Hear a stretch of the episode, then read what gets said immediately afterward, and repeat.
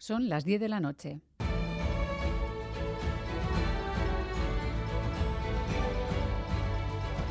Radio Euskadi y Radio Vitoria. Servicios informativos.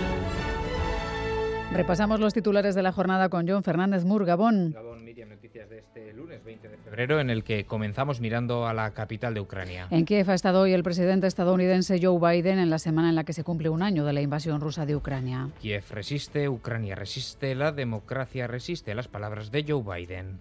You know, one year later, Kiev stands, and Ukraine stands, democracy stands.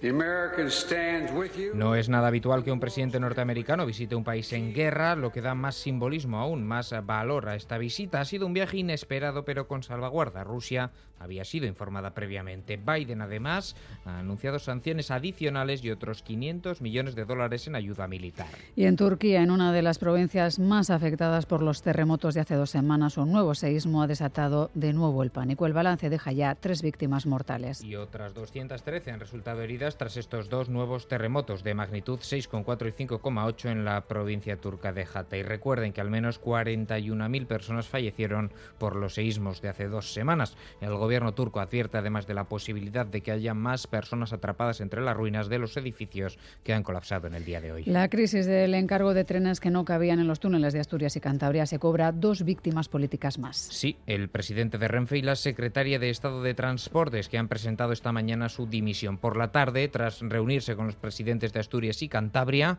la ministra de Transportes, Raquel Sánchez, ha subrayado que el problema ha sido lo que se ha tardado en encontrar una solución a una cuestión de la que CAF alertó ya en enero de 2021. Ha habido un fallo, un fallo que no pasa y no ha pasado en ningún caso por fabricar unos trenes que no valen, sino que tiene que ver con tardar demasiado tiempo en definir la solución necesaria para comenzar su fabricación. El gobierno español asegura que el IPC ha tocado techo y conmina al sector de la alimentación a trasladarlo a los precios. El ministro de Agricultura se ha reunido hoy con productores y con la industria de distribución sin obtener ningún tipo de acuerdo ni compromiso. Luis Planas asegura, eso sí, que las medidas adoptadas, como la rebaja del IVA, son las adecuadas.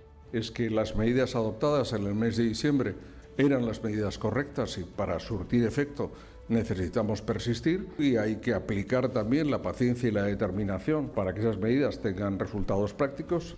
Planas ha cerrado la puerta a bonificar la cesta de la compra como propone Podemos. La mayor parte de los grandes grupos internacionales dueños de marcas de alimentos, higiene o limpieza van a seguir subiendo sus precios. En el caso de Nestlé, el mayor fabricante de alimentación de Europa, el año pasado los aumentó un 8%, pero su consejero delegado Mark Schneider asegura que no ha sido suficiente para compensar el coste de las materias primas. We have announced a number of price increases late last year and agreed them that will go into effect now. Hemos anunciado subidas de precios que se van a notar a partir de ahora y por supuesto en los próximos meses iremos viendo y adaptándonos a la situación. To stay flexible. En la misma línea, Unilever, propietario de marcas como Skip Signal, Noro, Maicena, seguirá subiendo sus precios al menos hasta el verano. Coca-Cola y el grupo Heineken también planean encarecer sus refrescos y cervezas tras subirlos más de un 10% el año pasado. AENA ha anunciado que instalará escáneres de última generación en los aeropuertos. Y esto pondrá fin a la obligatoriedad de sacar los aparatos eléctricos en los controles y también el fin del tope de 100 mililitros para los líquidos que llevamos a bordo de los aviones. Un avance bastante grande. Me parece interesante y me parece que fuera mucho mejor. Tenemos que pensar también en la seguridad. ¿Qué es lo que se puede colar? Es un avance positivo y esperemos que sea bueno para todos.